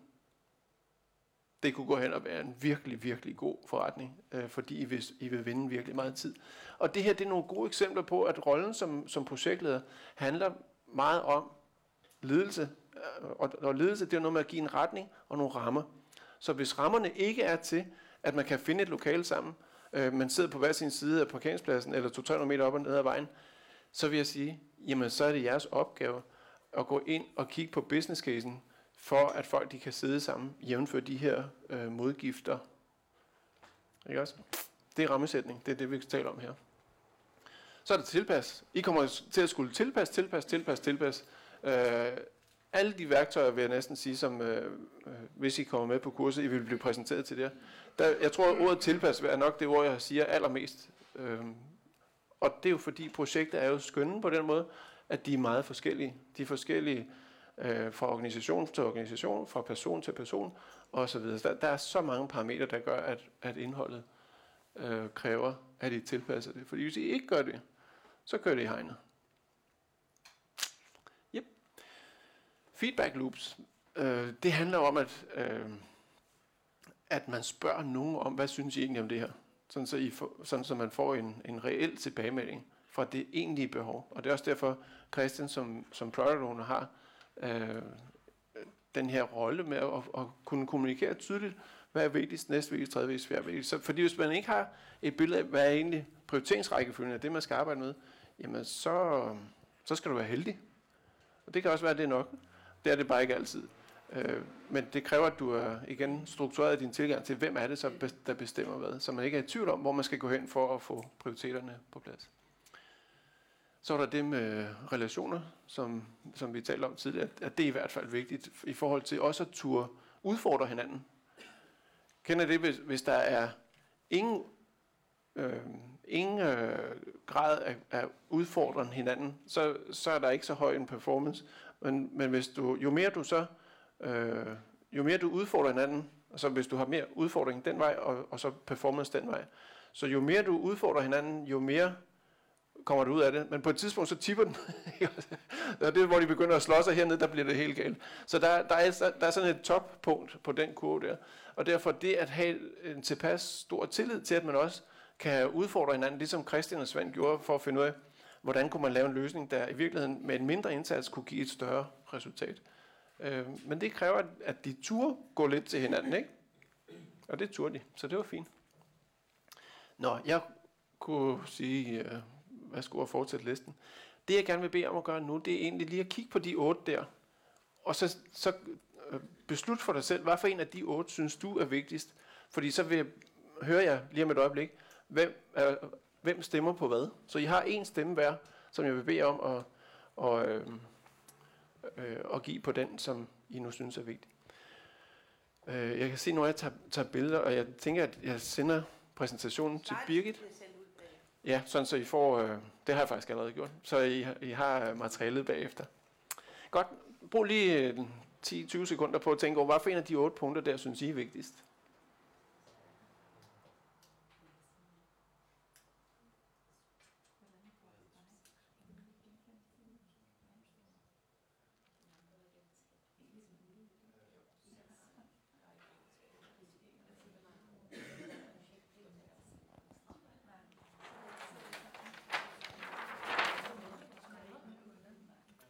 Ja, hvad øh, siger I til det? Jeg vil gøre det på den måde, jeg vil spørge, hvem stemmer på nummer 1? Rækker lige hånden op. Der var 1, 2, 3, 4. 4 på nummer 1. Hvad siger I til toren? Jeg har kun én stemme. En stemme, jeps. Der var ikke nogen. Træerne. Ikke nogen. 4. 1. 5. 1, 2, 2, 6, ikke nogen, 7, 1, 2, 3, 4, 5, og 8, 1, 2, 3, 4. Det er meget interessant, ikke? Prøv at se, det, det er jo ikke sådan, at alle folk de ligger på en. Det er, der er en pæn spredning igennem, imellem. Jeg synes selv, den her øh, er den vigtigste, men kontekster er forskellige, og derfor fordeler stemmerne sig nok også forskelligt. Men I kan jo prøve at kigge på det her, fordi, og jeg vil egentlig anbefale jer at tage et billede af det, fordi den her tror jeg ikke bliver sendt rundt. Øh, så tag et billede af den her, hvis I synes, fordi det kan jo godt være udtryk for, hvordan jeres kolleger ser det også. Så hvis I nu fokuserer på syveren, så kan det godt være, at I har nogle kolleger, for hvem etteren er rigtig vigtig. Og derfor kunne det være en god idé at, at få gjort noget ved den. Yep. Nå, men det var den der. Ja, undskyld, jeg så jeg slet ikke. Hvad vil du sige? Hej, øhm, jeg vil bare sige, at jeg synes, at de alle sammen er lige vigtige. Altså, Tak. øh, jeg, er, altså, jeg er iværksætter, og jeg synes, og jeg er i gang med at lave et nyt projekt eller koncept. Mm-hmm. virksomhed, og jeg, der er ikke nogen af de der ting, jeg kan sidde forrest. Altså, for mig er det lige vigtigt, ellers så fungerer det slet ikke. Nej, det er På, rigtigt. på alle mine, altså, jeg samarbejder med rigtig mange mennesker Ja. i hele verden, faktisk. Meget interessant, synes jeg, og tak for din kommentar, fordi det, nu er der jo otte, det er ligesom vel som der er også et eller andet antal roller, kommer til at se lige om lidt, der er også et eller andet antal processer, men det er jo ikke sådan, så når I har en bil med fire hjul, at I så tager det ene hjul af, så kan den kun køre tre fjerdedel hastighed. Nej, den kan slet ikke køre. Og, og, det, og det illustrerer meget godt din pointe der, i retning af, at, at, øh, at de spiller en rolle hver især, dem her, så der er sådan mange ting, man skal øh, være opmærksom på, og ellers skal man i hvert fald være bevidst om, hvad der er vigtigst for en selv, hvis man ikke lige har apparatet eller kræfterne til at, at fokusere på det hele. Men I kan jo også spørge teamet. Ikke? Det, I den sammenhæng, der er teamet jo sådan set kunderne.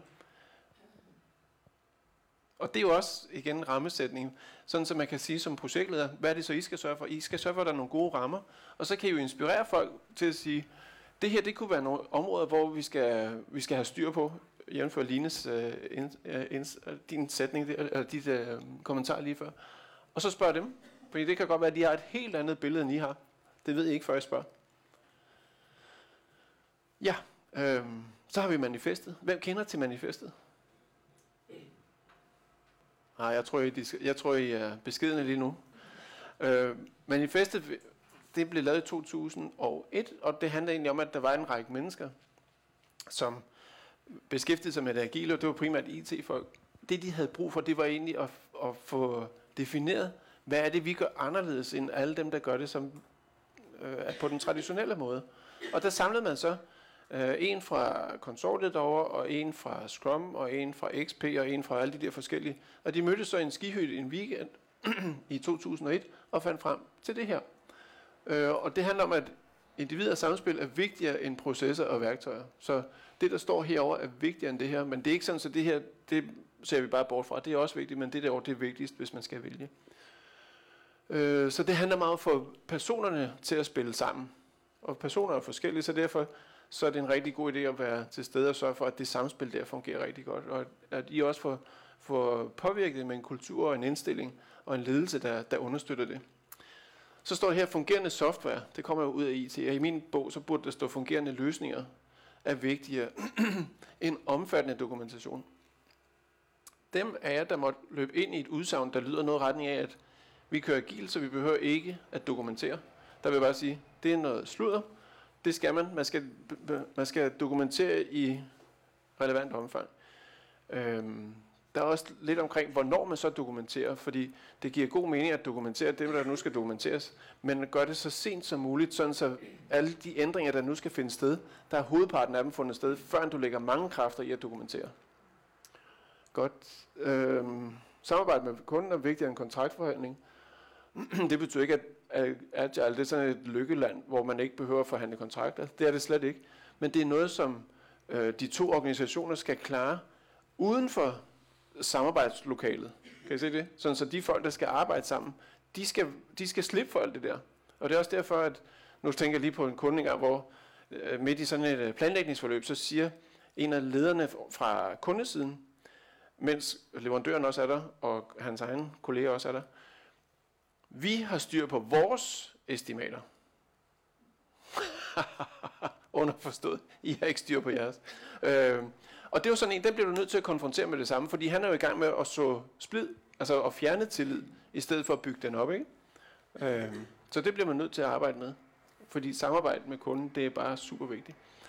Og så det med at kunne håndtere forandringer, i stedet for at holde fast i en plan, jamen det er jo det, som hele det her apparat er bygget op omkring, det er, at, at man, øh, Øh, uanset hvad det er for en dynamik, man måtte møde derude, så kan tilpasse sådan, så vi bruger tiden på at levere det, der skaber allerstørst værdi, jævnfører den aftale, vi nu har indgået. Ja, og det er jo et Ari van Bennekum, eller noget af den stil. Er det en, en mand eller en kvinde? Ved I det? Fordi det ved jeg faktisk ikke. Hvad for det? Nå. Er det en mand? Nå. Øh, så var det ham, der repræsenterede Agile Business Consortium, som så dengang hed DSDM. Det her, det er så øh, nogle agile principper. Prøv lige at læse dem. I I behøver ikke at læse dem grundigt igennem, bare sådan lige, prøv lige at læse dem ned igennem, og så finde ud af, hvad for en tone er det her.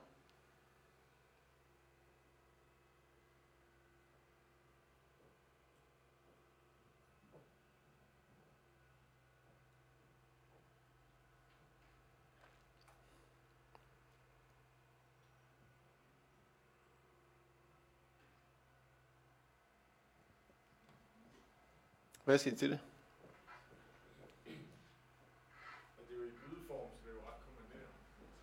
Ja, bødeform så ret kommanderende. Og, og jeg, mere behøver sådan set ikke at vide, fordi det er lige præcis det, jeg synes er den store forskel fra, fra det, vi så før, som jo var mere det der, end af det der. Kan I se det? Det her det er meget mere sådan, øh, blandt andet det der med at levere til tiden, øh, gå aldrig på kompromis med kvaliteten. Der er to ud af de fire hjørner i projekttrekanten, de er jo så allerede låst fast der, og det kommer vi så tilbage til lige om et, øje, om et øjeblik. Jo, og den her nede demonstrerer styring. Det er bare den vigtigste af dem alle sammen, fordi jeg vil sige, set i forhold til alle de øh, vandfaldsprojekter, jeg måtte have set gennem tiden, der er den agile tilgang her, der er langt, langt, langt mere øh, styring, end der er i, de, øh, end, end i vandfaldstilgangen. Så det der med, hvis man har et opfattelse af, at det er sådan en hug a tree eller sådan noget, øh, det er enormt struktureret og enormt øh, styret, øh, langt mere end, end, øh, end i det traditionelle. Og det er også derfor, tendensen er, som I så fra Standish Group, at øh, der er en større succesrate. Det er fordi, der er styring i starten, i midten, i slutningen, i toppen, i toppen og i bunden og i midten og alle mulige steder. Så er der kontrolelementer, som jeg nævnte lige før, eller styringselementer, demonstrate control. Hvis vi nu tager et par af dem, så er det, det at, at alle folk forstår den agile tilgang. Det er i hvert fald vigtigt, sådan så man alle sammen kan trække den samme vej. Der er øh, det at have et team, der har fået øh, indflydelse eller kompetence til at kunne gøre det, de nu skal gøre. Jeg kan huske, at jeg snakkede om det der med at skifte tre personer ud, at det er de samme folk, der er der. Øh, og det ved jeg godt, det kan ikke altid lade sig gøre, men det er noget, man kan sigte efter. Øhm, og så er der noget med, at der er de passende uh, skills, altså både af typer viden, men også at man har nogle folk inde, der rent faktisk kan noget, og ikke en, der ikke ved noget som helst. Fordi hvis det er en, der ikke ved noget som helst, så kan man ikke tage beslutninger, så kan man ikke komme afsted. Øhm, og så størrelse. Der, der skal være en vis størrelse på teamet, før at det giver mening. Øh, så har vi det, at forretningen var med i starten, i midten og i slutningen. Det er rigtig, rigtig centralt. så har vi iterativ udvikling, som du var inde på før. Så har man nogle, nogle sprint eller iterationer, hvor først så bygger du noget, så bygger du noget andet, så bygger du noget tredje, og fjerde og femte. Og, og, og jo hurtigere du kan skubbe det ud til brugerne, så du både får skabt værdi derude, men også så de kan give dig reel feedback, så du kan justere kursen på resten, desto bedre. Transparens, det var tilbage til det der med strukturen, at, at øh, når der er så store komplekse sammenhænge, sammenhæng, så er det vigtigt, at de har et overblik over, hvad sådan er det, øh, der foregår, hvad er det, man, hvad er det, der stikker ud, hvad er det for nogle tendenser, vi ser, bliver estimaterne større eller mindre, hvis de alle sammen bliver større, hvad skal vi så gøre for at få snittet noget væk, sådan, så vi alligevel kommer i mål til tiden. Øh, det er i hvert fald et, et, øh, et rigtig vigtigt øh, øh, styringselement, og det er sådan noget som øh, burn down charts er jo virkelig godt til at kigge på, om du leverer til tiden, eller om, om det ser ud som, du bliver forsinket. Og på den måde skaber du også en mulighed for at kunne, kunne reagere tidligt. Jeps. Så er der noget, der hedder Project Approach Questionnaire, og det er egentlig et billede, jeg har lige her. Der er sådan øh, 17 spørgsmål, der er lige de fire første her, men der er 17 spørgsmål, og dem af der må have lyst til det, de kan sende mig en mail, øh, og, øh, og så, så kan jeg sende det til jer bagefter. Men det er sådan en spørgeram, hvor man kan få afdækket de risici, der nu måtte være i et agilt projekt. Øh, smadret smart og ret enkelt. Det kan du så gennemføre sammen med, med nøglespillerne i, i projektteamet eller med hele banden. Det kan man jo selv beslutte. Ja, det var den der. Så det var nogle eksempler på, hvordan kan du så få, øh, få demonstreret styring i, i løbet af dit projekt. Og der er altså en masse af andre styringselementer. Det her, det var bare nogle af dem. Jeps. Agile on Time, den var, jeg har allerede været noget ind på det, men det er den metode, der er, er, at danner ramme om, om det kursus, som Birgit talte om før, øh, hvor øh, det stemme står for cirka 85% 10% prins 2, og både det her og prins 2 kommer jo fra England, og jeg har sådan et billede af, at dengang, det vil sige for 25 år siden, da Agile Business Consortium blev lavet, der eksisterede prins 2 jo allerede. Og der forestiller mig, at hen over øh, nettet på en tennisbane, er der nogen, der har sagt til nogle andre, når I nu laver det der agile noget, så skal I sørge for, at det spiller sammen med Prins 2. Og det gør det også. Og, og der vil man se, at, at Prins 2 har jo den her fasemodel, og det vil vi se lige om lidt, det har Prins 2 også. Undskyld, det har den her agile tilgang også. I vil kunne genkende måden at organisere eksempelvis styregruppen på, øh, som nogle elementer, der går ret igennem og er meget genkendelige. Så er der positiv psykologi for at sikre, at mundvigen er det rigtige sted undervejs, og At det ikke bare er nogle fikse idéer, vi har fået, men baseret på noget, der er forskningsunderstøttet. Så det er en meget operationel tilgang. Så det er, det er baseret på, at I skal vide, hvad det er, I, I skal gøre i morgen og i overmorgen. Øh, så meget konkret, meget operationelt og gennemtestet på kryds og tværs og brugt rigtig mange gange og tilpasset. Øh, det inde bagved, der er der en masse grønne hakker i forhold til teorien i det her. Men det er meget operationelt på, hvordan gennemføres så projektet. Ja. Så har vi centrale elementer. Der har vi, øh, kan I se oppe i toppen, der er pre-project feasibility foundations øh, osv. derude. Det er de forskellige faser, der er i projektmodellen. Og pre-project, det svarer til en idéfase. Feasibility, det er der, hvor du laver business case og indsamler krav. Foundations, det er, hvor du specificerer det, der skal laves for at opfylde kraven og lave en plan for, for resten af forløbet. Evolutionary development, det er, I kan se den der figur i midten, for at illustrere, at det er noget cirkulært, hvor du har øh, iterationer, kalder de det, Scrum vil kalde det sprint, men I har nogle perioder på 2, 3, 4, 5, 6 uger, du gentager og gentager, gentager, gentager, gentager. Så i stedet for et langt forløb på eksempelvis et år, så har du de her iterationer eller sprints. Og finden ved det, det er, at du, det hjælper dig til at skabe fokus, og det giver dig også en enhed, du kan optimere på. Rigtig smart. Og så skal vi jo lige sige, at der er nogle management approach definition, development approach definition, øh, som nogle elementer, nogle styringselementer, man lægger forholdsvis fast fra starten, for, for at angive til projektet, hvad er det for nogle rammer, vi kan spille indenfor. Ja. Projekttrekanten. Der, det her det er, det er stemmes holdning til, hvordan øh, gør man traditionelt. Det er ligegyldigt her. Den her over er vigtig. Kan I huske, always deliver on time og never compromise on quality. Så de er gule, og den gule farve betyder, at det er fixed.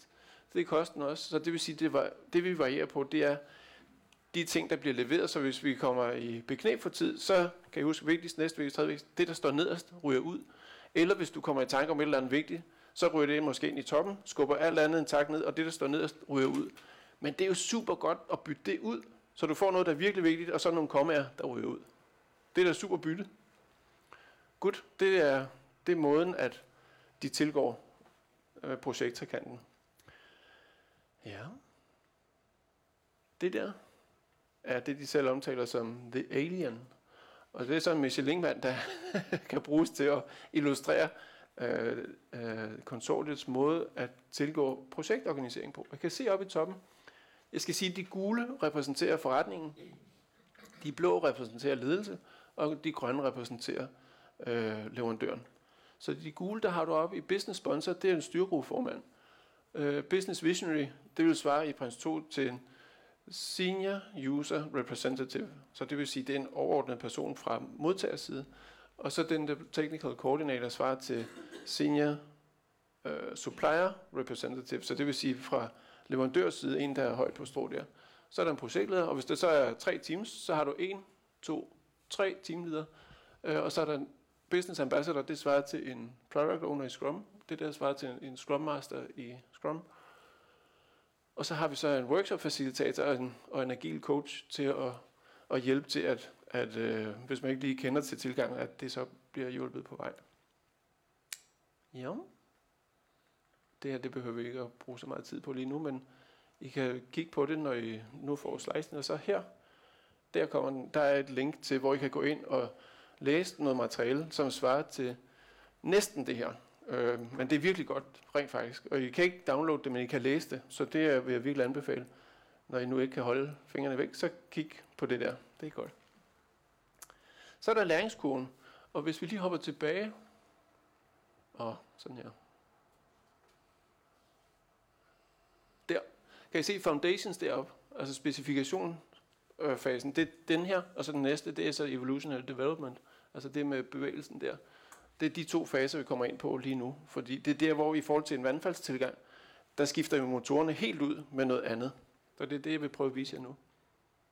Skal vi lige igennem den der. Ja, sådan, så er den der. Og vi starter lidt et andet sted, fordi hvis vi nu øh, vender tilbage til The Standish Group, de laver jo analyser på tværs af projekter og grænser og alt muligt. Øh, og hvis man nu bruger den boks der til at sige, det er sådan, vi ser behovet fra starten af projektet. Så sker der det i løbet af projektet, at der er noget mere, der dukker op, der er noget, der ryger ud, og der er noget, der ryger til fase 2. Ikke også? Det der, det fortæller en, at man skal ikke bruge for meget tid på at specificere fra starten, fordi det ændrer sig. På den anden side skal vi heller ikke bruge for lidt, fordi så kommer vi til at lave tingene om. Så det er sådan en smal sti der, og det er den smalle sti, jeg mener, at kurset der øh, øh, forklarer, hvordan man kan gå til. Det kan man gøre på mange måder, men det er en måde at gøre det på, men den virker i hvert fald. Hernede under, der kan I se en tidslinje, hvor I har de forskellige projektfaser. Her er I foundations, hvor vi specificerer. Her har vi byggefasen, og så, så lukker vi derover. Oppe af y-aksen, der har vi så viden om løsningen, hvordan den øh, ser ud til sidst. Hvornår indfinder den viden sig? Ja. Hernede, der ved vi noget i starten. Ikke også? Vi lige lavede måske nogle øh, kravindsamling fra forretningen. Vi har lavet noget øh, to-be-proces kortlægning. Vi har lavet, hvad der nu måtte være. Vi har gjort nogle tanker om, hvordan skal det her se ud til sidst. Og derover der er vi blevet færdige. Så der ved vi det hele. Så hvordan kommer du derfra og derop? Ja, der er mange veje. Det her, det er to af dem. Og øh, hvis vi nu følger B-ruten, som en eller anden sagde, det var øh, kod for pokker. Han brugte bandord godt nok, men øh, så tager man B-ruten. Øh, og hvis du tager B-ruten, så sker der det, at, at for sent finder du ud af, hvad de egentlige risici egentlig er. Øh, og det betyder, at det går sådan der. Så det bliver forsinket. Og det er derfor, det at følge A-kurven, kan jeg huske, det var øh, 25-30 procent, tror jeg, de skrev fra, fra den der fødevarevirksomhed. 25-30 procent hurtigere at køre af A-ruten. Så for at komme den vej, så er der så en række workshops i foundation-fasen, og så en anden type workshop herover, man kan gennemføre for at øh, få det løft der. Og der er stor forskel på at gå ind i den her fase her, fordi det er jo den dyre fase. Det at bygge løsningen, det er det, der koster mest boksen øh, i forhold til jeres budget. Og derfor er det vigtigt, at I går ind i den fase med så lille risiko som muligt.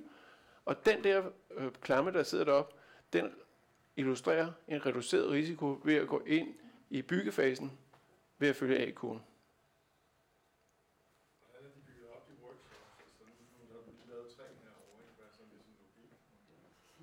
Ja, du spørger, hvad, hvad er det for nogle workshops, hvordan er de bygget op? Hvad er sådan, ligesom, altså, kunne du komme med et eksempel på en udvikling i de tre der? Ja, det, det handler om at få noget overblik over, hvad du skal lave, få en dybere indsigt i, hvad du skal lave, så få lavet en plan over, hvad det er, du skal lave, hvem skal lave hvad. Fordi det kan godt være, at vi finder ud af, at vi har tid nok på timen, men det viser sig, at det er kun dig, der har viden til at gøre 90% af opgaverne. Og så er du bare kæmpe flaske, altså vores projekt falder. Ikke? Så det skal vi finde ud af i den fase her. Det var et meget, meget kort øh, svar, men, men det handler om at få indsigt og overblik, og give en god platform til at kunne øh, vælge fra, hvis der er noget, der skal vælges fra tidligt. Den reducerede risiko, det kan du så veksle til forskellige ting. Du kan veksle det til for eksempel at levere til tiden, øh, til at sørge for, at det, der kommer ud, rent faktisk kan bruges. Du kan sørge for at øh, få skabt noget værdi tidligt, sådan så du sigter efter hele tiden at levere noget, noget af værdi hurtigst muligt, og ikke først til allersidst, men allerede måske efter et eller to iterationer, eller et eller to sprint. Øhm, det kan være noget med at omkostningsreducere, for det er jo klart, hvis du får de tre første, så vil det også have en, en positiv effekt på økonomien. Eller hvad der nu er vigtigt. Et eksempel, det kunne være innovationshøjde. Det kan være datasikkerhed, det kan være alt muligt, hvad der nu er vigtigt for jer. Så tilpas, tilpas, tilpas. Ja, det er i hvert fald den. Det her, det kommer man, nu spurgte du lidt til, hvad er indholdet det her.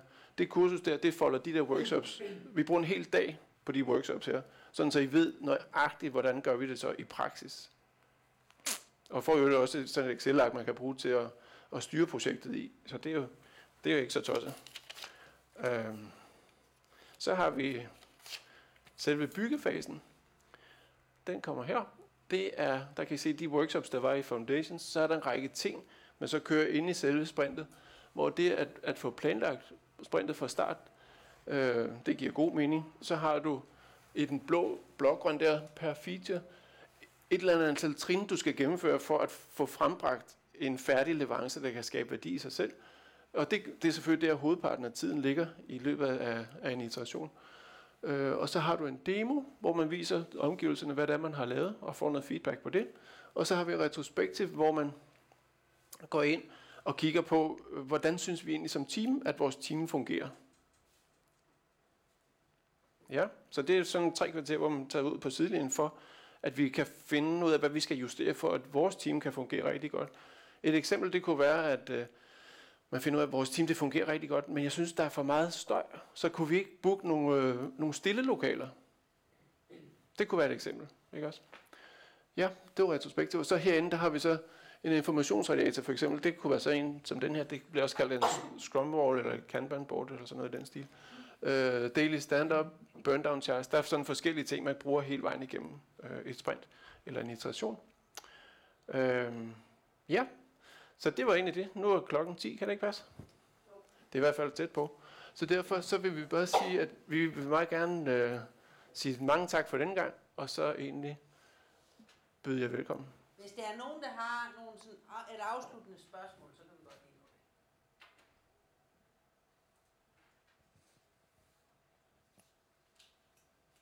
det. Det ser ikke ud til at være tilfældet. Nej. Så øh, vil vi sige tak for i dag. Det var rigtig hyggeligt, I kom. Øh, tak til dig, Lasse. Øh, jeg håber, I får en god arbejdsdag. Nyd solen, den skinner. Og jeg håber, vi ses igen. Hvis ikke andet, så til årets projektdag. Det sender vi også noget ud om. Tak for i dag, og kom godt videre. Ja, tak. Ja, god fornøjelse.